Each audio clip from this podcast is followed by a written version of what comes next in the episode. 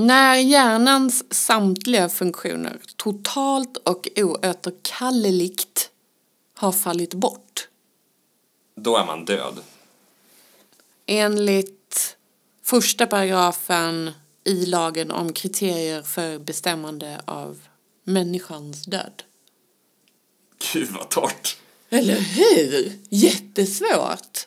Det är ju mycket bättre i det militära. Där är det ju, där var det mer raka rör liksom. Ja, lite mer... Ja. Ja, för vad var det han sa? När är en människa död enligt det militära? Jo, då är det som, som så att när huvudet är skilt från kroppen, då är man död. Det är ju ganska, det är ganska drastiskt. Men jag tänker att det är just militära sammanhang för det är inte så ofta man behöver liksom ta ställning på det sättet. Det ska också sägas att när vi pratade om döden igår på kontoret så var det vår kollega Gustav som tog upp det här. Ja, Eh, Att han hade, när han gjorde lumpen så, så sa de det att när huvudet är skilt från kroppen då är man död. och då behöver man inte avvara några medicinska resurser. Man behöver inte göra några medicinska insatser. Nej, det hade ju varit svårt också, tänker jag. Ja, ja hur skulle man... Nej, jag vet, jag vill inte åh, jag vill inte ens tänka på det. Nej. Usch! Eh, döden i alla fall.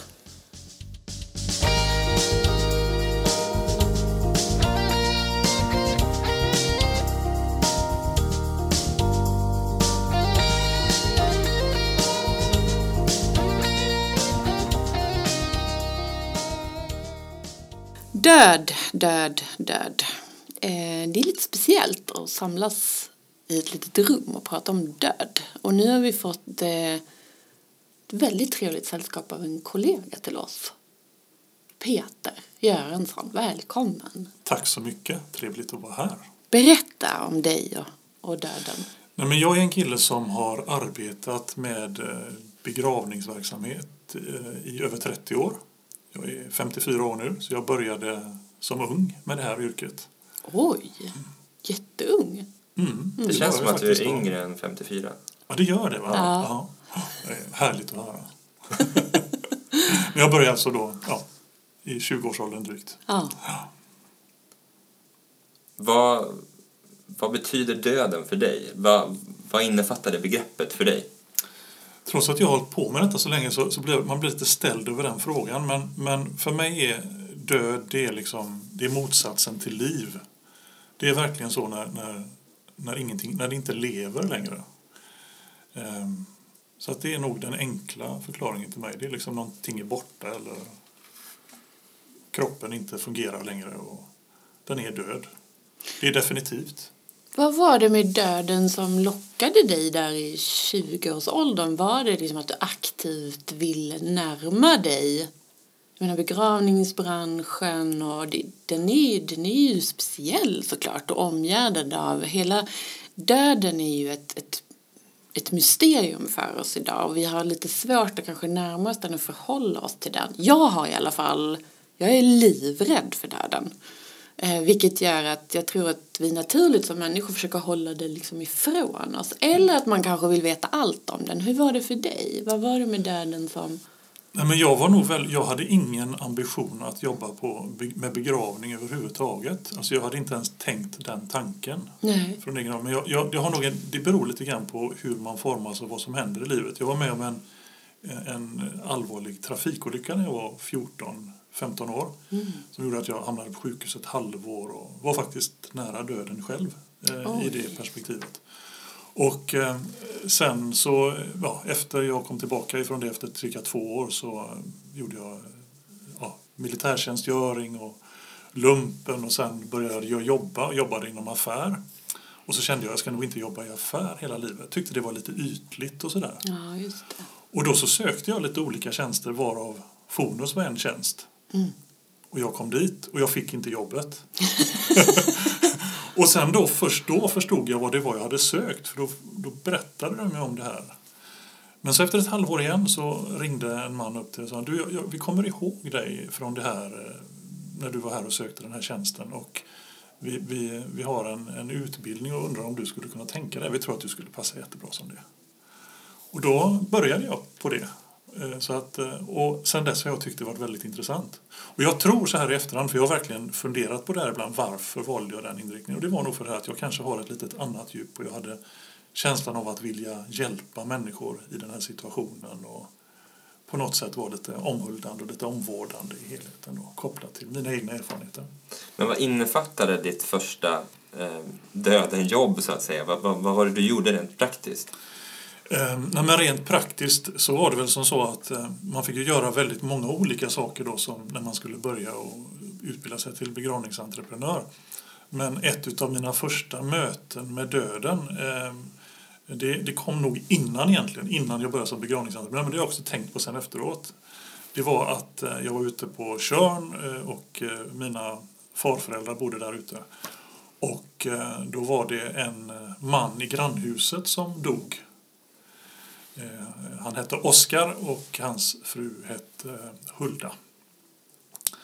Och eh, hur som helst då så kommer jag så väl ihåg att vi barn fick lov att följa med in och ta farväl av Oskar när han låg i kistan i köket. Så det var mitt första möte egentligen av en död människa. Ja, och det där är ju intressant för att det händer ju inte idag.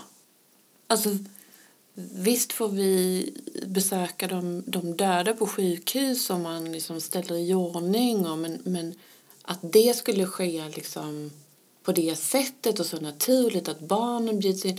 Jag vet inte vad ni har för erfarenheter där men för mig är det så går det inte till. Det är min bild av det. Men du Peter har ju en mycket bättre bild av det. Ja, det Vad så... händer liksom idag när någon... Vi, vi var ju betydligt närmare döden förr. Vill jag Ja. säga. Det var mera naturligt. Eh, eh, Förr bodde man ju inte liksom i storstäder och annat utan döden var en betydligt mer naturlig del av livet. Ja. Och sen när vi flyttade in till städer och så så blev det lite annorlunda. Man kanske inte kände alla i portuppgångar och så vidare och det blev lite mera, ja, blev inte riktigt lika nära. Men absolut, eh, det är vanligt idag också att barn får följa med och så på begravning. Ja. Eh, Och vi, när man jobbar med begravningen så, så påtalar vi vikten av att eh, det är bra att barn får vara med och få uppleva det här på riktigt. Ja. Men självklart ska det inte ske med tvång eller annat utan det ska ju vara på frivillig basis och Ja. man kan ju närma sig döden på lite olika sätt. Ja. Men eh, det är viktigt att vi som begravningsentreprenörer då ger möjligheten för en person eh, och, barn och andra runt omkring att följa med och ta farväl och få se den döda kroppen. Men där är det ju föräldrarna som bestämmer det syvende och sist också Ja, självklart. Men jag tänker att det är också en skillnad i att, att på begravning har vi i alla fall eh, i Sverige ofta stängd kista. Man behöver ju inte, eller behöver, man får inte se den, den avlidne. Medan det du beskrev var ju så tydligt att jag får som barn gå in och bevittna en, en, död kropp. En människa som jag har träffat, kanske lekt med, pratat med och nu är det bandet död. Och det där är ju också, jag har kollat på den här tv-serien, den måste du ha sett Peter, Six feet under. Ja, absolut. Den har sett. Alla sett. Den är ju helt fantastisk. Ja. Men, men där är det ju väldigt mycket kropp och liksom man sminkar och man liksom klär den avlidne och det gör vi ju inte så mycket i Sverige heller. Eh, som jag har förstått det i alla fall. Nej, vi har en helt annan tradition där. Vi, Det känns som att vi dör och sen göms vi undan. Mhm, lite grann så. Det är ju till och med så han sa att när man ska nu, nu har det blivit bättre och bättre med det men ibland undrar man ju när man åker och hämtar en avliden som har, som har dött då på ett äl- äldreboende eller på sjukhus och så vidare då att de har nästan inte tänkt på att det finns personer som är på sjukhus och sen dör för att de har inte tänkt på arbetsmiljö och egentligen utrymmen och så på sjukhus och så tidigare. Nu har det blivit bättre och bättre så jag ska inte säga det för mycket men ibland så, så tror jag till och med att arkitekterna tänker bort det där. Ja. Och jag tror att döden är någonting som man helst inte vill tänka om och, och, och prata om så som vi gör nu då. Varför vill vi inte det? Nej, men det är väl en rädsla, det är ett obehag. Ja. Vi, vi vill ju leva. Ja. Som människor vill vi ju leva. Och Ja. vi tycker det där är obehagligt för det är ju väldigt definitivt. Men jag tänker allt annat vi tycker är obehagligt, det försöker vi ändå liksom prata om eller närma oss eller kanske till och med älta ibland. Du vet, KBT om man har spindelskräck, då får man ju Ja, det, träffa spindlar. ja, det var jag tyvärr med om när, när jag var liten och mamma tog med mig till någon sån här spindelutställning. Nej. Eh, Det var det absolut värsta jag någonsin har gjort, ska jag säga. Ja. Eh, Så KBT är inte alltid bra. Nej, men att, Eh. att prata om döden då, om vi är rädda för den, Absolut. det känns som om att vi behöver liksom tugga i oss det faktumet att det händer oss alla. Men det är ju också så fruktansvärt svårt att acceptera förlusten. Mm, det är det. Av livet, av någon man älskar, av att någonting ska ta slut. Det är ju såklart oerhört jobbigt att tänka sig. Ja, det blir så himla definitivt som du sa tidigare. Och det är ju knepigt det där, man, man kan ju fundera mycket på det. Jag har ju jobbat med det länge då, men samtidigt så ser jag själv nu att jag har turen att ha mina båda föräldrar i livet. De är 85 år, men pappa han, han är sjuk och han börjar bli dåligt minne och allting. Det här kommer väldigt mycket närmare. Och de där tankarna, även om jag har jobbat med det, så har jag ju hjälpt väldigt många andra runt omkring, men inte haft haft människor i min egen närhet då, förutom farmor och farfar och så, men inte mamma och pappa ännu och sådär. Men jag känner ju att det där kommer närmare och jag känner mig inte riktigt, själv känner jag mig inte helt beredd på det. Nej. Utan jag reflekterar, jag tänker på det och vi pratar mer om det nu, jag och min bror till exempel, jag och min mamma. Vi, vi närmar oss de här frågorna. Så att jag Ja. tror att det kommer lite grann i livscykler och lite grann på vad man har varit med om och hur gammal man är och när man närmar sig frågan också. Ja. Men jag tänker också att ju mer vi gömmer undan det, ju värre blir det ju. Alltså brist på kunskap föder ju spekulation brukar man säga. Och det är klart att vet vi inte vad som händer, vilket vi ju inte vet rent liksom, filosofiskt, eh, vad som händer efter döden. Men, men då blir det ju så att vi kanske också har en massa spekulationer och farhågor och vad händer med min kropp till exempel om, när, när jag dör? Vad, liksom, vad händer rent faktiskt med min kropp? Hur blir den hanterad och behandlad? Ja. Det där är ju väldigt olika på, beroende på lite grann hur dödsfallet har ägt rum och var det har ägt rum och så vidare. Men Ja. om man ska ta liksom en, en generell så har vi en väldigt bra hantering av den döda kroppen i, i Sverige. Ja, Eh, och, och det innebär att här finns ju kylutrymmen och allt möjligt. Så att när en människa har avlidit, och nu låter ju inte det så smickrande kanske då, eller fint på något sätt med, med kylutrymmen, det låter kallt och, och lite kliniskt. Men det är ju med tanke på att kroppen ska bevaras under och fram till begravningen. ja, Så att i den delen så hämtas ur den döda kroppen och eh, transporteras till ett kylrum. Och då kan den hämtas på bår eller man kan hämta i kista. Och det Ja. beror lite grann på om det ska vara obduktion eller inte obduktion och viss formalia kring det och sådär. ja, Men, men eh, för det mesta så hämtas den döda kroppen på bår, ligger i ett kylrum i väntan på att då begravningsbyrån ska komma dit och ta hand om kroppen och göra ordning och ta på kläder eller sätta på svepdräkt och sedan transportera ut då till platsen för begravningen och så vidare. Då. För där kan man, eh, där vill man kanske själv bestämma. Jag vet ju, jag vill ju ha min brudklänning när jag Ja. det, det vill man ju kanske vara med och påverka också vad som ska hända i det, formalia och sådär. Och då är det ju viktigt, och det där är ju någonting som jag tror är ett sätt att närma sig döden, det är ju att skriva ner sina egna önskemål eller tankar kring Ja. det här med hur man vill ha begravningen eller om det är något annat speciellt man vill. Ja, då kan man ju till exempel fylla i någonting som heter Vita arkivet ja, där man kan skriva ner sina tankar kring begravningen och det är ett sätt att hjälpa sina efterlevande att så här ville pappa ha det eller det här hade jag tänkt. ja.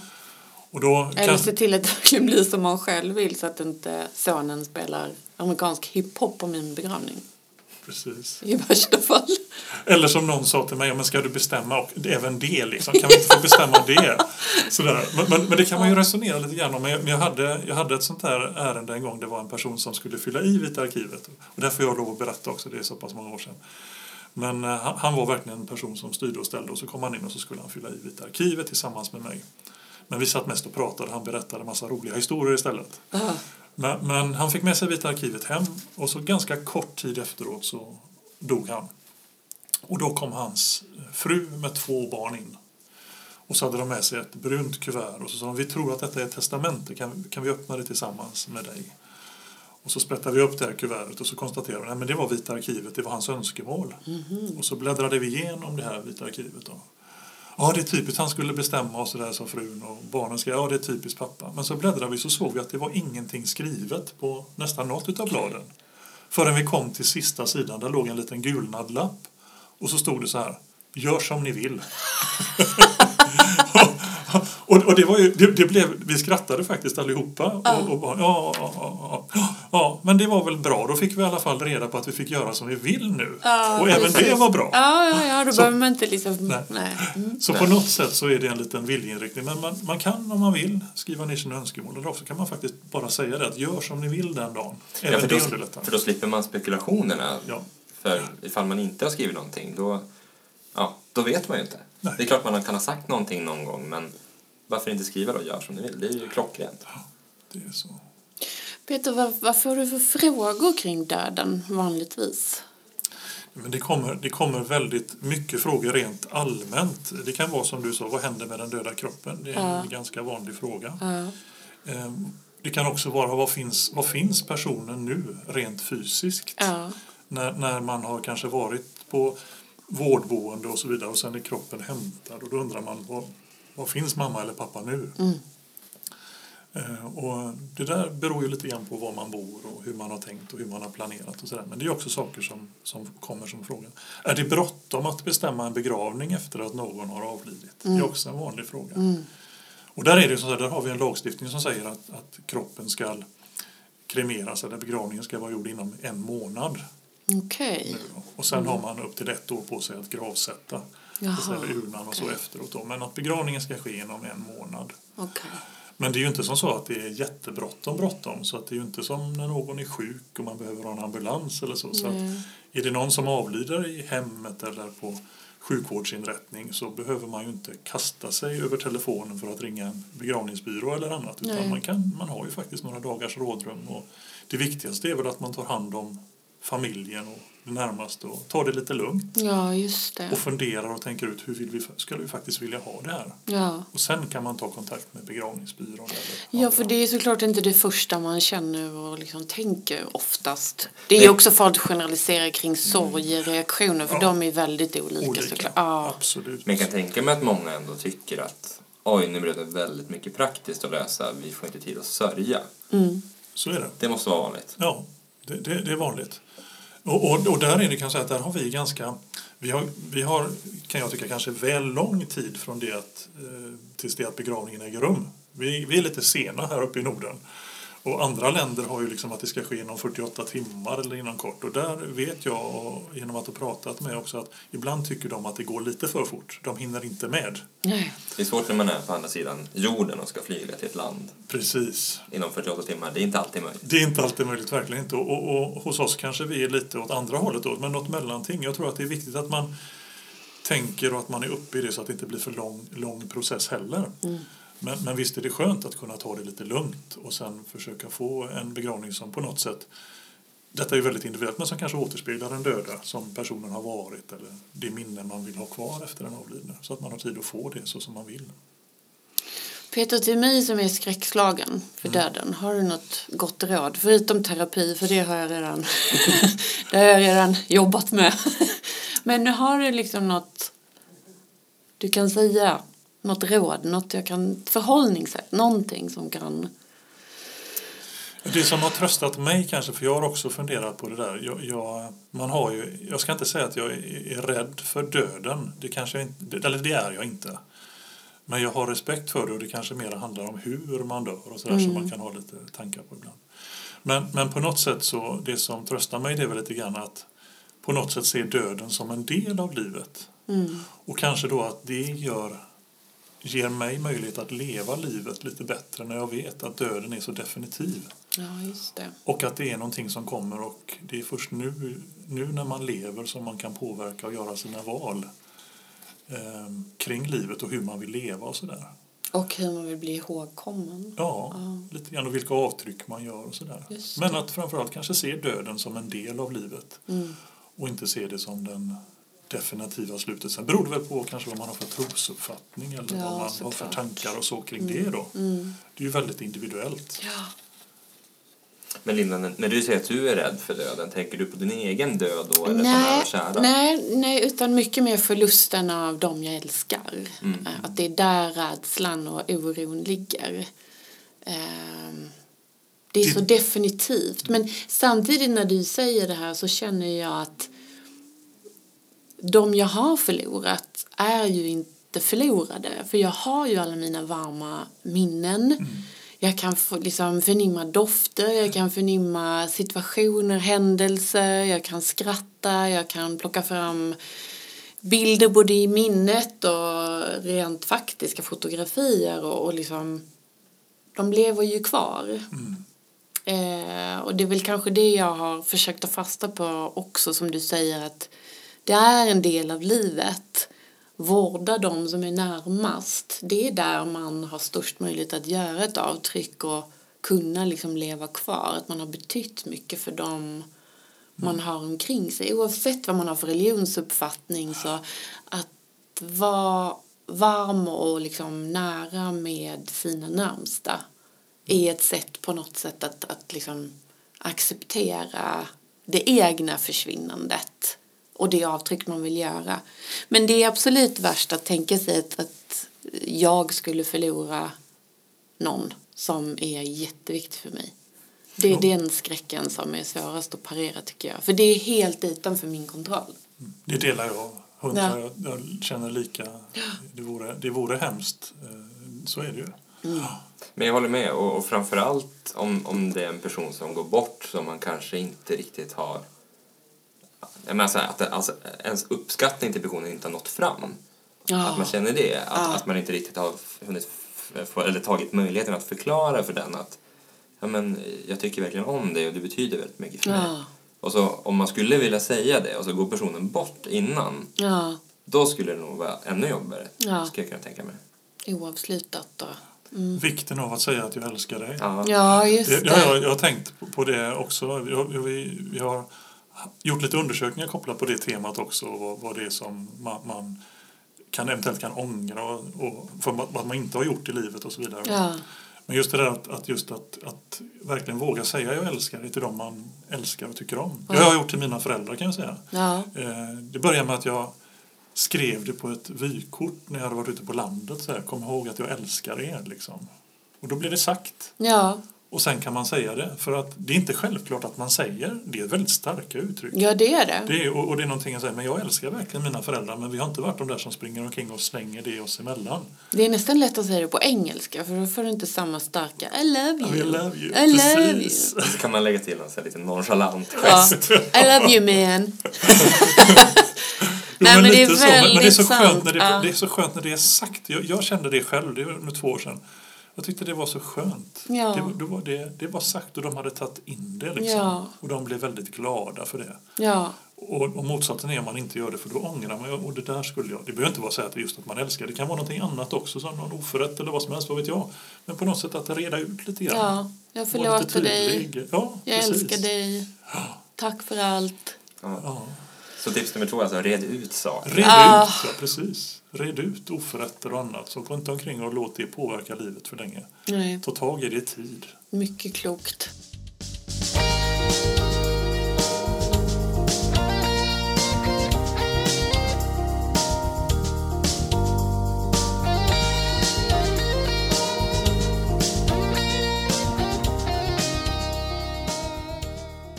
Det här är, jag skulle kunna prata om döden hur länge som helst. Ja, det är jättemystiskt. Ja, det är det. Helt otroligt. Det är så smärtsamt också. Och det är så knepigt att vi ska födas för att sen liksom gå med den vetskapen hela livet. Du ska dö. Och alla du älskar ska också dö. Ja. Och det finns väldigt mycket frågor som kommer. Men det är ofta så att man tar de där frågorna ofta när man pratar så som vi gör nu. Så man kommer på det ena efter det andra. Liksom. Ja, Så att det finns, eh, det finns så och det föder frågor. Men egentligen en, en begravning eh, behöver ju, kan ju se ut i princip hur som helst. Eh, Och eh, det finns egentligen inga bestämda regler och ritualer för det förutom då ett samfundets regler eller tankar eller Svenska kyrkans ordning och så vidare. ja, Det finns ju människor som väljer att inte vara med i något samfund och då kan man ju ha en begravning som en borgerlig begravning där man får utforma den i princip hur som helst. ja. Eller också behöver man faktiskt inte ha någon begravning heller. Man behöver inte ha en begravningsceremoni. Jag har läst någonstans att det finns här små urnor man kan köpa. Och då växer det, alltså det är väl blandat med några frö eller någonting så att man kan liksom växa upp som ett träd. Förstår ni vad jag menar? Ja. Jag är inte helt tydlig. Men jag förstod, jag läste att det var som ett alternativ. Det är någon upp, svensk uppfinnare, en tjej som har tagit fram det där. Och det där är faktiskt... Vet du vad jag pratar om? Ja, jag vet vad du menar. Ja. Det, där, det där är ju en, en god tanke och en idé kan man säga på någonting. Ja. Men det är inte något konkret begravningsalternativ. Nej. För det som finns i Sverige idag det är två begravningsalternativ. Det är jordbegravning eller det är kremationsbegravning. Jaha. Sen kan man ju välja att sprida askan till exempel eh, i havet efter godkännande från Länsstyrelsen. Det kan man få lov att göra. Eller man kan få sätta ner askan i en urna eller man kan lägga det i minneslund och så vidare. Och sen var det någon som hade en idé att man skulle kunna plantera och sen växa upp och bli träd och så vidare. Då. Eh, jättevacker tanke och så Ja. vidare. Men det är inget alternativ som finns idag. Nej. Utan idag är det väl mera kanske att man i så fall får plantera det där trädet själv på gravplatsen och så får det väck. väck Ja, okej. det har ju också funnits alternativ. Man har pratat om det här med frystorkning som ett begravningsalternativ. Men det finns inte heller som ett... Det har mera varit tanke och på idéstadiet. men Ja, det okej. finns inte som alternativ idag Nej. heller. okej.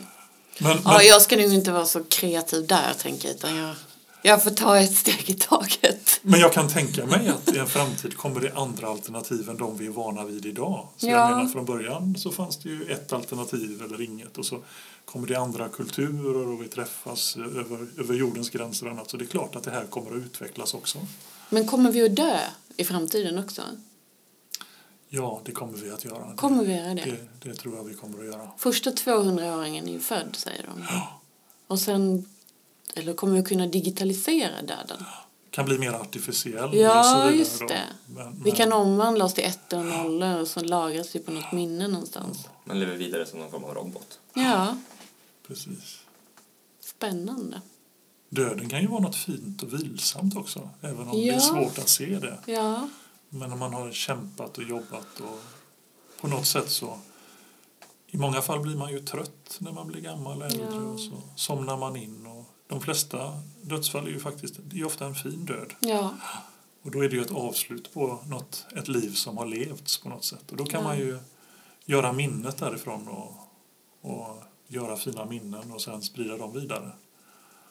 Det kan ju vara teknik och annat som kan hjälpa oss med att ha minnessidor och det ena med det andra framöver. Ja, så, så att man kan leva i cyberspace för forever om man vill kanske. Vad vet jag? spännande.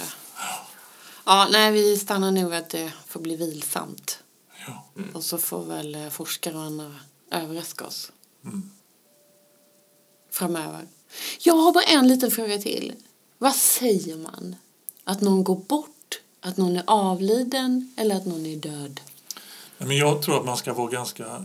Mitt förslag är att vara tydlig. Alltså någon är död eller någon har avlidit. Mm. Ehm, Gått bort är ju väldigt vanligt att vi säger och vi använder det till vardags. Jag kommer på mig själv med det. Jag tror Ja. jag har sagt det nu i, i vår lilla pratstund här också. Men ehm, det är ju ett sätt att, att, att återigen kanske skyla över det där och göra det. Vi är så försiktiga på det. För säger man det här att men farfar har gått bort eller pappa har gått bort till sina barn så man, men när kommer han tillbaka då? Ja. Eller vart har han gått? Ja. Eh, Så där tror jag det är viktigt att man är, är tydlig och talar om när någon har avlidit eller någon har dött att, att personen faktiskt är död. Ja. Och gärna då att man också får komma och se och ta farväl av en död så att man ser att det är på riktigt. För ett Ja, barn, speciellt att kunna visualisera sig det, det blir jättekonstigt. Man ser en trälåda om det är som kista och så vidare och så förstå kanske att farmor eller farfar ligger där eller pappa eller någon ligger. Det är lite svårt att visualisera det. Ja. Så därför är det fint kopplat till det vi pratade om tidigare, att försöka faktiskt att för sitt eget sinne dels bekräfta att det faktiskt är mamma eller pappa eller vem det är som har gått bort. Man ser det, att det är rätt person kanske som ligger i kistan så man är säker på det så man inte behöver fundera på det. Nej, just det. Och så att de som vill får möjlighet att ta ett farväl innan det är den här begravningen eller, eller eventuellt om det inte är en begravning men att man ändå får bekräfta att personen är död. Jättetack Peter. Jättesnällt att du ville gästa Tack. oss. Tack, det var Ja. trevligt att få prata vid en liten stund om detta. Ja, det kan vara så trevligt att prata om döden. Som generellt är rätt otrevligt. För de flesta. Och Absolut. inte själva döden, men i alla fall förlusten av de vi älskar. Och det är ju ingenting vi behöver gå omkring och tänka på varje dag heller. Men ibland kan man ju stanna till och prata om döden Ja. och lyssna på andra som pratar om det. Faktiskt.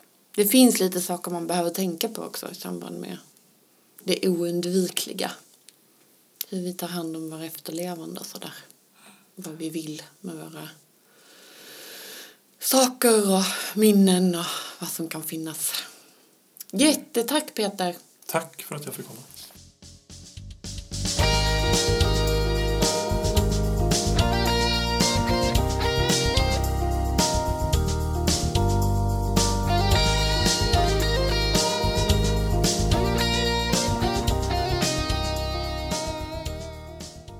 Jag ser ju på dig att du nu har fått några idéer. Det här med frystorkning, när du har gått bort. Ja, men alltså, jag måste säga att jag gillade hela idén om att få växa upp. Tänk att få vara i min sons trädgård sen. Där står mamma. Här, här står mamma med kottar och löv. Och, nej men att, att få, bli, få vara levande fast i en annan form. Ja, snacka om, man brukar prata om att man kanske blir ett djur om man skulle leva ett nytt liv eller, just eller så. det. Men du skulle då vilja bli ett träd.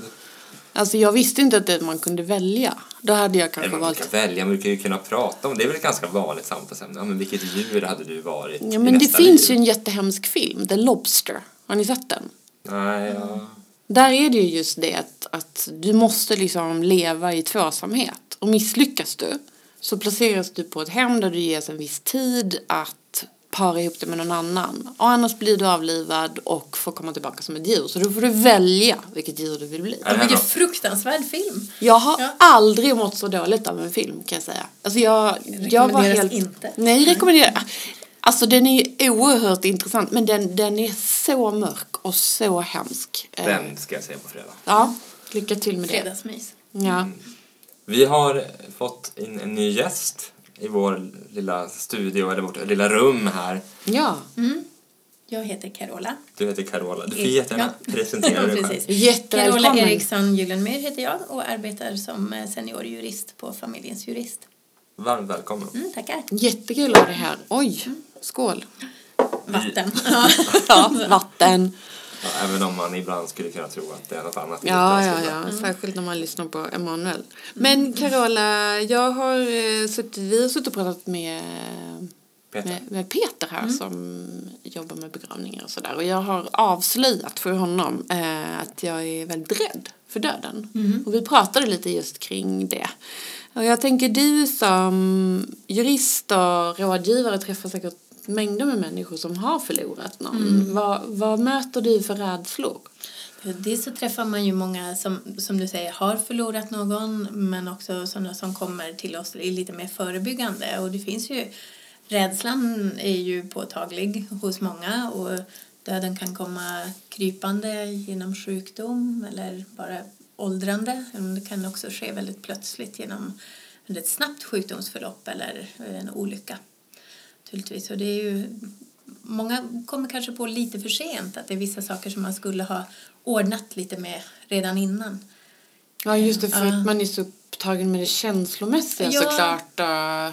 Eller, ja, alltså, de känslomässiga aspekterna, de får, det är väl sånt som kommer upp till ytan också om någon avlider. Att man Ja. tänker, åh, jag skulle passa på att älska den här personen mer medan han eller hon fanns vid min sida. Eller säga oftare kanske vad man känner eller sådär.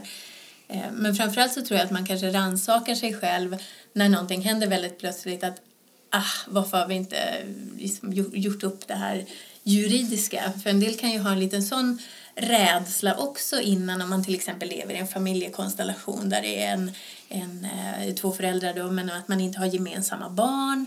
Eh, Man kanske inte är gifta med, förä- eh, med varandra eh, och att man vet, innerst inne man vet för man har läst på nätet, man har läst expertspalter och sånt att det här är fara och färde liksom i juridiskt hänseende när den dagen någon utav er går bort. Men man skjuter gärna det där framför sig. Ja, för det var precis det vi pratade om, att, att vi pratar inte om döden och man vill ju absolut helst inte tänka på den. Eh, och, och då tänker jag att då blir det ju liksom ännu längre bort att tänka på det praktiska eller juridiska kring döden. Varför ska Jo. man göra det då? Ja, men alltså det så ger det ju kanske lite peace of mind eh, när man väl har varit. Det upplever jag att de flesta kunder som kommer till mig, sen när man väl har bevittnat testamentet och det är färdigt, då är det som att axlarna bara tssst, åker ner. Och man bara, åh men vad skönt, nu kan jag slappna av. Ja. Eh, och, och då, ja men det, det känns ju fint att kunna hjälpa till med någonting sånt. För många gånger är det ju också så att när människor kommer så har de en bestämd eh, uppfattning om att så här vill jag ha det och så här ska det vara. Och sen när man har pratat ett tag så är det kanske egentligen inte det som man önskar sig och att man har trott att det går att göra vissa saker som Ja, för det tänker inte så här att om jag skriver testamente så måste det rimligtvis kunna bli precis så som jag vill. Mm. Jo, Då vill det- jag få bestämma allt. Mm, liksom. Man skriver ju så här, det här är min sista vilja och Ja. då vill jag baske mig kunna bestämma precis också. Kan jag inte det då? Mm, i, man kan försöka, Ja. brukar jag säga. Ja. Det är just det, om du har egna barn då kan du ju inte testamentera bort dem helt genom att skriva att jag vill att allting ska gå till Barncancerfonden istället. Eller om du har två barn och säger att ja, men jag vill att allting ska gå till mitt ena barn. Eh, med mindre än, alltså om det andra barnet är barnet som blir då förfördelat i testamentet, eller de barn, om det är så att man ger till något annat ändamål, så kan ju de bestämma sig för att men vi godkänner det här eh, testamentet så som det ser ut. Och då blir det ju så som man har skrivit. Men det viktiga, tänker jag ur mitt perspektiv, är ju att kunden är medveten om att det som du vill skriva här, ja, jag kan hjälpa dig att skriva ner det på ett sånt sätt så att de kanske förstår bakgrunden och så vidare. Men det är inte säkert att det blir så i verkställigheten. och Man så kan vädja om vissa saker. Ja. Mm. Men sen, inte... ja. ja. Sen kan man ju försöka att styra barnen till att göra på ett visst sätt genom att locka med att det ska komma lite mera sen och så vidare. Ja, just det. Om man avstår nu kan det bli mer sen. Mm. Det är som de där experimenten man gör med barn. Man ger dem typ en godis och så säger man om du inte äter den här på tio minuter så får du två, Får du två till. till? Ja. Kanske det. Och de flesta mular bara in den där godisen och, så, jättesnabbt. och så får man ändå två till sen. Ja. För att vi curlar barnen och Ja. det är synd om dem. Det är klart de ska ha godis. Jag, är Ja. väl, jag är väl lite rädd att du skulle ta upp andra exempel på experiment här, Linda. Ja. Tack, tack och lov. Ja. ja. Nej, men för, för att svara på din fråga, jag tycker ändå att det känns som att det finns en utbredd rädsla för döden och det är ett tabu, absolut. Eh, I den juridiska rådgivningen så försöker man ju ofta kanske bolla in det också på det här. Har du skrivit ett vita arkiv till exempel? Ja. Eh, då man, ja, just det. Och så, ja, det är ju det också vi ska göra. För att kommer man till oss så har man kanske inte gått vägen liksom via en begravningsbyrå. Medan om man har varit hos en begravningsbyrå tidigare för att någon anhörig har avlidit och man sedan hamnar hos en jurist. Då är det kanske mer naturligt att man tänker sig att ja, vi ska ta tag i det här med att skriva ett vitt arkiv. För att man har då dels genom den anhöriga som har gått bort kanske fått en vägledning och hjälp av det. Men, och, eller så har man, är det någonting man har saknat. Ska jag berätta varför jag inte har fyllt i vita arkivet? Jag blir så stressad av att jag ska ångra mig. Jag tänker så här att om jag väljer en Kent-låt till min begravning nu så kanske jag har ångrat mig om tio år men glömt ändra det i vita arkivet. Jag får liksom beslutsångest att jag måste bestämma idag vilken låt jag vill ha på begravningen då. Men man kan ju också skriva in i, eh, i sitt vita arkiv kanske att eh, jag vill att eh, en låt som ligger på min topp 10 Spotify-lista då när jag går bort ska spelas på min begravning. Den är ju bra. Och så får man kolla liksom. Ja, Vad har. Linda lyssnat på här på slutet? Då? Bara, ah, Jerry Williams. Är det? Kan ni tänka sig när ni hör en låt, bara undrar om det är den här jag... För först brukar man tänka så här, den här vill jag ha på mitt bröllop. Emanuel, du ska ju gifta dig snart. Ja. Ja. Ja, vi, och vi, vi håller ju på att planera in låtar till bröllopet. Ja. Eh, Tänker du då nu också att nu ska jag samtidigt fundera på vilken låt jag vill ha på min begravning? Nej, det, det känns ju trots allt ganska långt bort. Ja. Eh, Men samma sak där, jag skulle kunna trilla ner för en stol här nu och slå huvudet och dö. Ja. Det skulle kunna hända och då är det bra att man tänkt på det naturligtvis. Om man vill påverka. Men Ja, men jag tänker Nja. också för din fru då, om det skulle hända dig något plötsligt. Allt det du inte tar beslut om måste ju då hon ta beslut om. Och hon kanske är jätteledsen för att du är där. Eller kan, hon kommer ju att bli jätteledsen. Men man får ju fin hjälp från begravningsbyrån Ja. som de är ju vana att hantera. Och tror att en, det berättade kanske Peter om, men den vanligaste frågan, eller snarare det folk säger när de kommer till begravningsbyrån är ja, men hur, hur brukar man göra? Ja. Så för att man vill liksom bara rätta in sig i den här mallen. Liksom. Man får kanske förslag på Ja. så här olika låtar. och- Ja. och i mitt fall så tänker jag mig att hon förmodligen skulle välja en ganska lämplig låt ändå. Så Ja, jag är inte orolig på det verkligen. sättet. Verkligen. Nej. Ja, men om vi fastnar på det här med Kent-låtar då till exempel så Ja. är ju den här Utan dina andetag det är Ja. ju väldigt populär så Ja. på bröllop. Men då kan man tänka sig att om man har haft den vid sin vigsel och så går någon av makarna bort ja, men då kanske den skulle kunna rama in begravningen också, Ja. tänker man. ja. Själv är jag lite förtjust i den här Here comes the sun. Det var en av de första låtarna jag lärde mig på gitarr faktiskt. Ah, Det okej. låter som en sån Den är med låt. i B-movie. Ah. En betydligt ljusare film än den här... eh, The Lobster. Ja. Bi, ja. bi. Mm. Jag kan ju avslöja då att Utan dina andetag kommer att spelas på Framföras mitt- på ditt Ja. bröllop. Trevligt. Ert bröllop, förlåt. Vårt Ja, bröllop, Ja, precis mitt vårt. ja. Jag hade faktiskt den också på listan. Men sen gifte vi oss aldrig så det blev inget. Men vi Är det för sent? Att gifta sig? Mm, Ja, men nu gifte jag mig nyligen och då hade jag Jaha, inte den. ja, ja, att- ja, okej. Men första Ja. gången jag skulle gifta mig. Jag förstår. Mm. Ja. Det får bli ett eget avsnitt, alla dina bröllop. Nej, tack. Ingen lill-babs liksom. Så många är det faktiskt inte heller. Men Carola, jag tänker också att det finns ju många som kanske är oroliga för vad som händer med sina anhöriga efter man har dött. Mm. Eh, och att man kanske tänker testamente därav. Ja, jo, men Eh. faktiskt. För att många har ju den här rädslan. Dels här fysisk rädsla för att dö.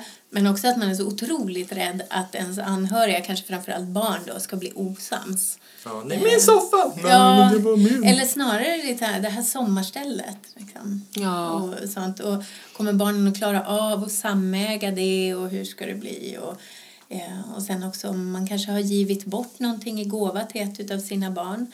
Då har ju de andra barnen först den dagen man själv går ur tiden har ju de möjlighet att då ställa anspråk på sitt syskon för att man har fått då ett förskott på arv. Och så, och det, det är ju sånt som kan ställa till det. Och det är många Så som jag har kan inte skänka vad jag vill till någon av mina barn utan att det sen kan bli... Nej, faktiskt inte. Och det där är många som också höjer på ögonbrynen för och säger va, får jag inte ge bort precis hur mycket jag vill till vem som helst? Ja. Och då är det faktiskt att den, eh, vad ska man säga, lyxen att eh, disponera fullt ut över sin egendom eh, har man endast om man inte har egna bröstarvingar, alltså Aha. egna barn. Så skaffar du egna barn då är man liksom lite bakbunden av regelverket och att de barnen inte får behandlas olika i allt för stor utsträckning. Okej. Skulle du säga att det är vanligt att, att man vill att det ena barnet ska ärva mer än det andra? Mm, det, det kanske ungefär lika vanligt. Eh, Alltså att det ligger runt 50 procent. Om man träffar 100 människor som vill skriva testamenten så är det ungefär 50 utav dem som vill eh, ja, rikta lite, eller vad ska man säga, skikta mellan sina barn på olika sätt. Och där finns det ju alldeles rimliga förklaringar många gånger.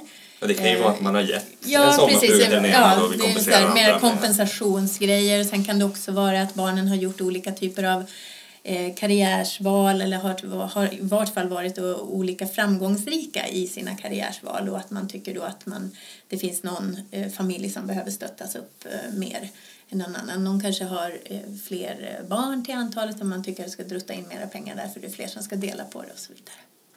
Mm.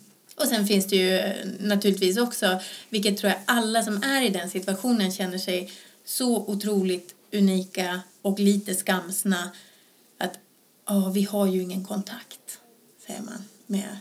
Och så tror man att man är ensam i hela världen om att barnet har tagit avstånd från föräldrarna eller vad det nu kan vara. Ja. Men det är ju jätte, jättevanligt. Och vad tragiskt. Men ja, eller, men det finns oftast liksom rimliga förklaringar till allting Ah. sånt också. Eh, och då är Men jag det tänker kanske... att det är tragiskt. Alltså det är klart att det finns anledning men det är så tragiskt ändå att man tappar bort. Ja, så, men Varandra. någonstans är det ju så här, ja, men, även fast man, man är född in i samma familj och man har liksom levt tillsammans under början av livet och sen har man av olika anledningar liksom kommit ifrån varandra. Men sen det är ju inget livstidskontrakt att vara familj med varandra heller egentligen, Nej. tänker jag. Nej, men jag kan verkligen tänka mig att det i vissa fall är bättre att man inte har kontakt Ja. till och med. Även om det kan Ja. ut från andra ögon anses märkligt. Men, och sen är det ju så att då kommer ju den här personen som man inte har någon kontakt med kommer ju ändå in precis jämbördig med de andra som man har jättemycket kontakt med och som hjälper till och målar om och, och klipper gräs och skottar snö och sånt. Eh, Så den personen som man inte har någon som helst kontakt med och som kanske har flyttat till London och så vidare eh, behandlas ju exakt likadant eh, som de andra barnen ur ett juridiskt perspektiv. Om det inte är så att man själv har gjort ett ställningstagande i, i testamente då eller liknande. Jag tycker nästan det mest tragiska är att, att föräldrarna är så, känner sig så ensamma i den situationen. Ja. Att, mm, och det är också en sån där grej som gör att axlarna faller ner när man förklarar att "Men det här är inte så ovanligt. Eh, Men det är ju normen liksom kring Ja. hur allting ska vara som ofta ställer man får till inte det. bråka med sina familjemedlemmar. Nej. Liksom. Mm. Det är genomgående man, eller har du tänkt på det när vi sitter här och pratar med så normen av hur vi ska leva våra liv liksom gör Mm. oss ganska bekymrade och Och hur vi ska dö. Ja, Eller och hur det ska vara det. när Ja, vi dör. precis. Ja. Men normen följs sällan, kan man väl säga. ja. Ja, ja, men så är ju Ja. i alla fall. när man liksom, på det ja. där ja. ja. Ja, men då, och då faller ju liksom hela det här sociala medier och Instagrambilderna faller ju utanför. För Ja. det är ju det som egentligen bara försöker att förstärka den här normen och gör kanske att man, man känner sig mera onormal än vad man egentligen är. Då, Ja, någonstans. Det finns ju en annan del av, av eh, döden, den egna döden som man då kan förbereda sig praktiskt och juridiskt och kanske känslomässigt på också. Eh, men, men där man som efterlevande kan ju hamna i jobbiga liksom, situationer när det inte har skrivits något testamente eller oavsett om det har skrivits testamente så kommer det ju liksom plötsligt en, en massa papper, eh, brev, eh, det f- liksom krävs av en att man ska göra saker, anmäla och Jo, men du, agera måste man. Man måste måste agera någonting. i en situation där man inte alls känner för att agera så mycket. Och Utan, vad är det som man, vad är det man ska Ja, men göra det är ju alla, alla typer av abonnemang och, och sådana kontrakt som man har med alltså avtal med elleverantörer, sophämtning och eh, gas, allt vad det nu kan vara för någonting som kanske har stått på den avlidna. Bilen står på den avlidna, den avlidne kanske hade ett företag eh, och att man måste då skriva över så att, på PRV så att det är liksom en rätt eh, bolagsperson. Och ja, allt, all, alla sådana här små saker som man kanske inte tänker på i vardagen. Någon slags så här bokslut över liksom Ja, men så är det ju för att alla, alla av, eh, man tänker sig alla avtal och andra sådana saker som man har, den andra avtalsparten, alltså då Fortum eller E.ON eller vad det nu är för någonting, de vill ju inte fortsätta vara i avtal med någon som är avliden Nej. det har blivit ett dödsbo då, en juridisk person. Utan då vill man ju få över det här avtalet på en annan levande person. Eh, Och det är därför då det kommer. Först så kommer det en skrivelse där det i bästa fall står vi beklagar bortgången här av din nära anhörig eh, och vi vill därför eh, upplysa dig om att du måste vidta de här, de här åtgärderna. Man då skriver över abonnemanget och så. Man är ju oftast inte riktigt i kanske det här modet att man bara ja, men jag kanske ska se över då om vi ska byta leverantör här av hemförsäkring och el och så vidare. Det är ju kanske har man inte liksom den geisten just då. Nej. Utan då blir det att man bara skriver över. Men annars är ju det också, skulle man mot förmodan kunna uppbringa den kraften så är det ju i alla fall ett, en, ett bra tillfälle Ja. att kanske göra en sån översyn också. Då. Ja, just det. Och Skatteverket kommer att höra av sig och vill ha Mm. saker och... Ja, de vill ju ha en bouppteckning. Just det. Och det är ju det är bokslutet kan man säga, Ja. över livet i tillgångar och skulder. Så bouppteckningen är var kanske ännu viktigare förut då när det fanns eh, arvsskatt. Nu känns det ju som jättelänge sedan den togs bort, det är 13-14 år sedan. Ja. Och eh, det man skriver upp är ju tillgångar och skulder som den avlidne hade per dödsdagen och även den efterlevande makans tillgångar och skulder. Men då säger du man, för det där tycker jag jag hör liksom förra gången ganska. Vem ska göra Mm. Ja, bouppteckningen? Vem som gör det? Ja, precis. Man ska ha en person som uppger boet, eller åtminstone en person. Och det är enligt lagen så är det den person som bäst känner till eh, boets eh, beskaffenhet och på tillgångssidan och skuldsidan. Och det brukar ju oftast vara den avlidnes respektive, men kan ju också vara en god man till exempel eller ja, någon annan nära anhörig. Och sen så är det två stycken personer som ska förrätta själva bouppteckningen. Vad då. betyder det då? Ja, det är ju de personerna som då ska intyga att allting har blivit efter bästa förmåga värderat. Mm. Och den värderingen i bouppteckningen har ju också kanske avtagit lite grann i betydelse i och med att det inte finns någon arvsskatt längre. Eh, Men däremot det viktigaste egentligen med hela bouppteckningsinstrumentet det är ju att i det så nedtecknas det ju också om det finns ett testamente och sen så blir det ju en legitimationshandling för Jaha. dödsboet. Så om du skriver in då att ja, men nu har vi en maka, vi har två stycken så kallade särkullbarn, alltså som är den avlidnes barn fast inte makans barn. Eh, och sen så har vi också inskrivet i testamentet att eh, Världsnaturfonden ska få 10 procent.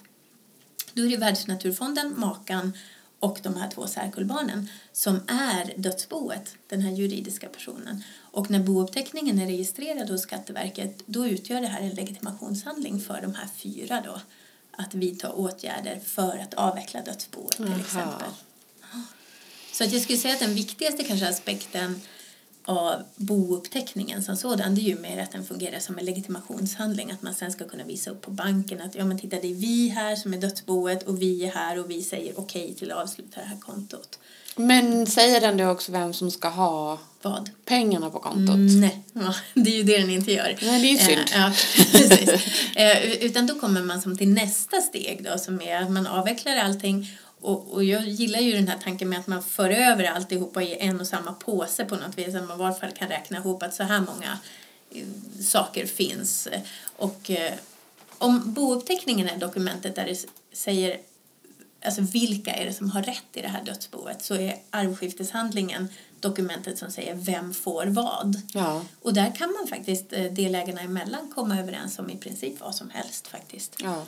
Och kan man inte komma överens så finns det lagar som säger då vem som ska få vad. Ja, eller i vart fall så finns det en möjlighet att då vända sig till tingsrätten och begära att boet, som det heter, avträds till en boutredningsman eller en skiftesman. Många svåra ord här känner jag. Yes. men- och Från då- antiken Ja. eller Dackefejden Ja. eller något. Man får hålla tungan rätt i munnen. Precis. Men, eh, och en skiftesman ska jag säga kan mycket väl vara en skifteskvinna också Ja, det naturligtvis. gläder mig, det gläder mig. Ja, så en skifteshen utses av tingsrätten och och eh, den här personen då som är en jurist eller en advokat eh, tar ju betalt för sina tjänster från dödsboet eh, och tillser då om eh, syskonen till exempel då inte kan komma överens om vem som ska få vad eller man är oense om eh, en värdering på en bostadsrätt eller en villafastighet eller vad det nu är för någonting. Ja, men då utser tingsrätten den här personen och då har den personen behörighet, alltså genom ett förordnande, att göra ett tvångsskifte. Jaha. Och då behöver man inte ha den här glada godkännande minen ifrån alla delägarna utan har eh, bo, ja, boutredningsmannen eller skiftesmannen då gjort eh, ett tvångsskifte, då är det ingen som behöver godkänna det utan då blir det så. Och det är någonting också som man kanske ska ta i beaktande när man överväger där hur mycket ska jag bråka med mina syskon eller kusiner eller vad det är då som man är i, i den här konstellationen med. Att om vi inte kommer överens alls och vi måste gå till tingsrätten för att begära då en sån här boutredningsperson eller skiftesperson eh, då är det en person som kommer att fatta de här besluten över huvudet på oss. Och dessutom tar rikligt betalt för det. Ja, men så blir det ju. Ja, Att, det ja. kanske till och med äter upp stora delar av det man bråkar om. Jo, så kan det vara. Så man får lite grann väga för och emot med vad, vad är det värt att, Ja. att bråka om då kanske. Ja, just det. Jag tänkte lite grann kring bouppteckningen där, om vi backar tillbaka till den. Då har man ju något som kallas för förrättning. Ja. Där man då har kallat alla dödsbodelägare och efterarvingar. Ja. Och eh, Och efterarvingar, det är ju de här personerna som inte har rätt att få något arv nu men som har rätt att få arv den dagen efterlevande makan avlider. Till exempel gemensamma barn. precis. Och då tänker jag att eh, det inte är helt ovanligt att det kan dyka upp en person på det här mötet som ingen någonsin har hört talas om. Nej. Som visar sig vara någons syskon. Mm. Eh, Vadå, som någon... Nej, nej, men jag tänkte, tänkte, Den avlidnes barn, tänker Ja, precis. Ja, ett- att, att det visar sig att den avlidne barn. Mm. hade ytterligare ett eller två barn som ingen visste om. Ja, just Det är ju ett skede som händer Ja. med jämna mellanrum. Ja. Det är så sant. Och där är det ju av naturliga skäl så är det ju lättare att, att det här har eh, eh, flugit under radarn kan man väl säga om det är män som avlider än om det är kvinnor. Det brukar vara svårare att ha mörkat att det har funnits eh, barn sådär. Men jag har varit med om det också. Eh, och, och då var det ju mer att ja, men hon eh, hamnade i olycka som det hette på den Ja, tiden då, väldigt det. tidigt. Eh, men då mörkade man bort det där helt och, och, och skjutsade upp henne till Dalarna någonstans och så fick hon vara där i ja, nästan ett år. Och, och, ja, men det officiella här i, hemma i Stockholm var ju då att hon var och jobbade eh, där någon annanstans. Medan hon i verkligheten var- var och födde barn. Och så, sen hade det inte varit någon adoptionsprocess. Så i och med detta så, eh, så var ju det här barnet då fortfarande arvinge. Nu tycker jag att det är hög tid för veckans dilemma. Efter en lång arbetsdag lutar sig Kalle tillbaka hemma i kökssoffan och går igenom dagens post. Det visar sig att han har fått brev från en jurist om bouppteckningen efter Kalles pappa som nyligen gått bort. I brevet ligger ett testamente som Kalle ska ta ställning till. Han kan godkänna, ta del av eller begära ut sin laglott, står det. När Kalle läser innehållet i testamentet sätter han kaffet i halsen. I testamentet har Kalles pappa skrivit att allt han äger ska gå till den nya frun och att Kalle först ska ärva när frun har gått bort. Det hela kommer som en chock för Kalle som inte vet vad han ska göra. Ska han välja att följa pappas vilja? Men tänk om frun gör av med alla pengarna så att det inte finns något kvar. Till saken hör att Kalle och hans partner väntar, väntar tillökning och verkligen skulle behöva ett större boende. Det kanske är lika bra att begära ut laglotten så de har lite att röra sig med. Men då kanske frun måste flytta och Kalle tycker rätt bra om henne egentligen. Vad ska Kalle göra? Carola, vad ska Kalle göra? Eh, ja, alltså jag kan känna att det är lite vågat att dricka kaffe efter jobbet till att börja med. jag reagerade på det. Han tog igen sig efter en lång arbetsdag och hällde upp en kopp kaffe. Det tycker jag verkar vågat. Eh, men eh, nåväl, på det juridiska planet, det här är ju, det är verkligen ett dilemma. Eh, för testamentet är skrivet, så som jag förstår, på ett sätt som gör att ändra kan han då begära att få ut sin laglott nu. Och då är laglotten, det är ju hälften av hans arvslott. Och om man då är ensamt barn så är ju arvslotten hela pappans kvarlåtenskap. Så han har rätt till hälften nu. Eh, och den andra halvan behåller ju då frun med fri förfoganderätt och tillfaller honom när hon går bort någon gång. Och det vet man ju inte när eh, det är. Det kan ju vara om några månader men det kan också vara, handla om 10, 20, 30 år. Eh, givet hans förutsättningar där med att de själva väntar tillökning och så och nu säger han ju också att han tycker rätt bra om henne. Eh, kanske steg ett skulle vara att försöka hitta någon typ av samförståndslösning. Man kanske inte behöver få ut hela, i och med att vi inte vet några belopp här vad det handlar om heller. Kan man göra så också? För ibland så känns det som att det är svart eller vitt. Jag måste antingen ta min laglott eller inte. Ja, men- kan jag ja. ta typ 10 000. Ja, men, men jag tänker att han måste ju ändå begära att, att testamentet ska jämkas för att få sin laglott. Just det måste han det. göra officiellt sett. Sen kan de i ett avtal dem emellan då, som kan bli ett typ av arvskifte, komma överens om att han inte plockar ut hela sin laglott. Utan då kan man ju också laborera lite med siffrorna när man ser hur mycket det innebär. De kanske tycker att ja, men 100-150 000 kanske räcker för det vi behöver nu för att vi ska uppgradera boendet lite grann och så. Eh, Medan också att om hela laglotten kanske skulle innebära 600-700 000 så kanske det skulle omöjliggöra för makan att kunna bo kvar i bostaden. Många efterlevande får ju också panik när de förstår att de ska betala ut en summa pengar innan de har fått besked om hur mycket pengar är det som ska betalas ut. Och man har inte heller förstått att det finns en möjlighet faktiskt, även för liksom lite mer seniora då, att eh, till exempel belåna sin bostad för att kunna få ut pengar för att betala ut då till särkullbarnen.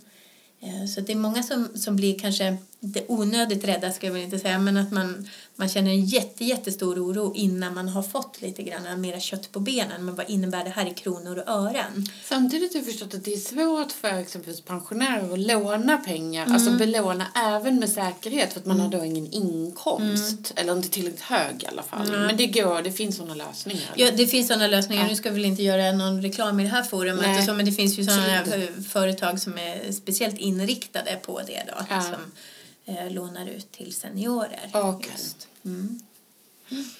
Så, Men det- ja, ja. men det är ju det är, som du säger verkligen ett dilemma. Men har man en god relation eh, mellan varandra För det området i juridiken som vi rör oss inom nu också kallas för dispositiv rätt. Vilket innebär att det är eh, alltså man själv disponerar över hur man ska komma överens. Så de som är liksom parter i det här disponerar över eh, vad som ska stå i avtalet, alltså arvskiftet. Eh, vilket innebär att man kan faktiskt komma överens lite om vad som helst egentligen. Det är först när man inte kommer överens om det finns tvingande. Ja, Ja. precis. Mm. Och om man då jämför det till exempel med vårdnad om barn och sådana saker, där är det inte dispositivt utan där måste rätten liksom fatta ett beslut. Just det. Där kan inte parterna komma överens om, om ditten eller datten. Så. Mm. Och det kan man ju faktiskt tycka är ganska rimligt. Mycket. Ja, saker, människor. Ja. Faktiskt. Just. Nej, men så kan man komma överens här. Då skulle jag nog, eh, för att lämna någon typ av litet lösningsförslag här på hans dilemma, så är det ju då att eh, samtala lite grann med, med eh, hustrun. Eh, och kanske också, tänker jag, när han har fått reda på eh, vad det innebär i kronor och ören det här. Och också kanske fått reda på lite mer omständigheter. Finns det något äktenskapsförord mellan makarna? Eh, hur ser liksom förmögenhetsförhållandena ut mellan makarna och så vidare? Och vad, vad skulle det innebära? Scenario ett, du tar inte ut någonting nu, du får mera sen. eh, och vad, vad sätter det makarna i för situation? Kan man prata om de sakerna och ha liksom lite mer kött på benen eh, då tror jag att man kan eh, faktiskt komma överens i så fall. Finns det någonting Kalle kan, jag tänker om han bestämmer sig för att nej men eh, det är klart hon ska bo kvar, jag väntar, men han var ju samtidigt orolig att hon då skulle använda alla pengarna. Finns det någonting han kan göra det skulle man att... också kunna skriva in då i någon typ av eh, avtal om oskiftat bo till exempel. Eh, maka, eller makan och eh, sonen då. De skriver in det. Man skulle kunna skriva kanske lite förbehåll kring beroende på vad det är för typ av boende, om det är en bostadsrätt då eller en villafastighet. Att man skriver in och är det en villafastighet då lämnar man in det till Lantmäteriet att här finns det ett förbehåll att den här fastigheten får inte pantsättas ytterligare, alltså man får inte ta lån på den eller att man får inte sälja den med mindre än att, att då det här särkullbarnet också har lämnat ett medgivande till försäljningen. Eh, och det är ju ett sätt att låsa in pengarna och då kanske man faktiskt kan uppnå det alla parterna vill. Det finns en säkerhet för Kalle att han har kvar ett farsarv den dagen hon går bort och det finns en säkerhet för makan att hon har någonstans att bo fram till dess att, att hon går ur tiden. Just det. Det är många mm, makar som blir kvar som är väldigt oroliga för det där. Hur, hur ska det bli med min boendesituation? För många, eh, alltså om man tittar på förmögenhetsmassan som en enkrona eller vad man ska säga, som hjul så, så är det en otroligt smal liten skärva många gånger som är kontanta medel som finns på banken. Och allt det runt omkring är den här bostadsrätten som makarna köpte på 40-talet Ja. och som har ökat något så enormt i värde. Så det är ju liksom hela eh, kakan egentligen. Och då, då blir det problem. Ja. Så man behöver alltså inte sätta kaffet i halsen utan många gånger kanske det finns möjlighet att göra någon form av konstruktiv lösning så att Ja, men det där är nog svårt att, att ta sig till. Eller liksom att, att Ja, man sitter man öppnar sin post liksom, och helt plötsligt så kommer det här. Eh, och det är klart man får det slängt i ansiktet och det där är så typiskt också om man öppnar posten eh, när klockan är så här 17.30 och så är det så här hej hej skriver den här juristen under kontakta mig om du har några frågor. Slänger sig på telefonen, personen du söker har gått för dagen. Eh, och så är den nattens sömn förstörd. Inte beroende på kaffet utan beroende på någonting annat. Både och kanske. Ja. Får de Nej, men, så, adrenalinpåslag. ja. Nej, men, så, så det där är ju naturligtvis lite typiskt att eh, man inte då direkt kan få de här svaren på de här frågorna som man har Ja. eh, många gånger när man får liksom få en korrespondens som kommer på posten. Så. Eh, och sen tycker jag att det är, det är en balansgång i att, att, att beskriva det här också när man delger ett testamente, att beskriva vad är det du har att ta ställning till. Har jag redan informationen att boets behållning ser ut ungefär så här, då tycker jag att det kan vara av godo att man redan i kallelsen till bouppteckningen skriver att den informationen som jag har nu är att boets behållning är eh, 1,4 miljoner, vilket innebär att din laglott skulle vara 350 000. Någonting Ish. sånt. Ish. Ja, precis. Eh, ja, och så bara verkligen sådär eh, baserat på den information jag har nu. Och bara för att ge lite grann också i någon typ av fingervisning så här, mellan tummen och pekfingret så ser boet ut så här. Så man inte behöver fundera jätte, jättemycket. Jag tycker döden känns komplicerad. Ja. Eh, känslomässigt eh, vet vi att jag tycker den är jättekomplicerad. Men, men jag menar antalet svåra ord på den här korta stunden. Det känns komplicerat. Men så är det. Eh, och Man skulle också, nästan liksom. behöva... Man tycker livet är komplicerat många gånger men döden är ju ingalunda okomplicerad. eh, varken ur liksom ett praktiskt perspektiv, känslomässigt perspektiv eller juridiskt perspektiv. Sen är vi överlag tror jag ganska duktiga på att röra till det lite för oss själva. Ja. Just ur det här juridiska perspektivet. Att man kanske överöser då den här favoritsonen med en massa gåvor och tänker att det där löser sig. Liksom. Eh, Och då gör man kanske mer en björntjänst för att då vaknar syskonen till då den dagen man har gått bort och så blir det liksom mer en arvstvist av det hela. Ja. Tack så mycket för att du vill vara med. Ja, men tack själva för att jag fick vara med och prata om det här otroligt angelägna och spännande ämnet. Precis så känner jag också. Det finns ingenting som är tråkigt med döden. Förutom döden. Ja, Ja. just det. Men det är Och förutom juridiken kring döden. Det är därför vi har två döden till att välja på. Döden, Ja, döden, döden, döden. Vilken avslutning. Tack. Tack.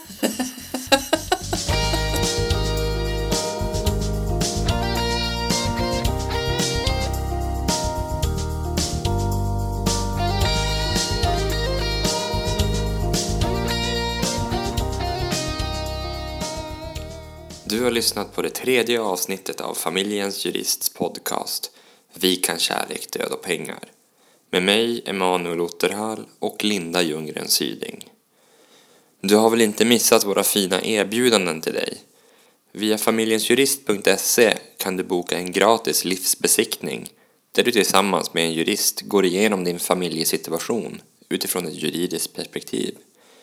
Baserat på analysen går juristen igenom vilka juridiska dokument som behövs för just dig och din situation. Vi kan även erbjuda rabatterade priser om 250 kronor rabatt för ett juridiskt dokument upprättat efter ett telefonsamtal med en jurist samt 100 kronor i rabatt för upprättande av handlingar via vår online-tjänst. Uppge koden podden 2018 med stort P och två D för att ta del av rabatterna. Frågor, synpunkter eller funderingar? Ja, men släng iväg ett mejl till podd familjensjurist.se podd med två D. I nästa avsnitt blir det fullt fokus på vårdnadstvister och allt vad det innebär. Då gästas vi av Sofia Alehjelm som har en gedigen bakgrund som ombud i den typen av ärenden. Vi hörs då!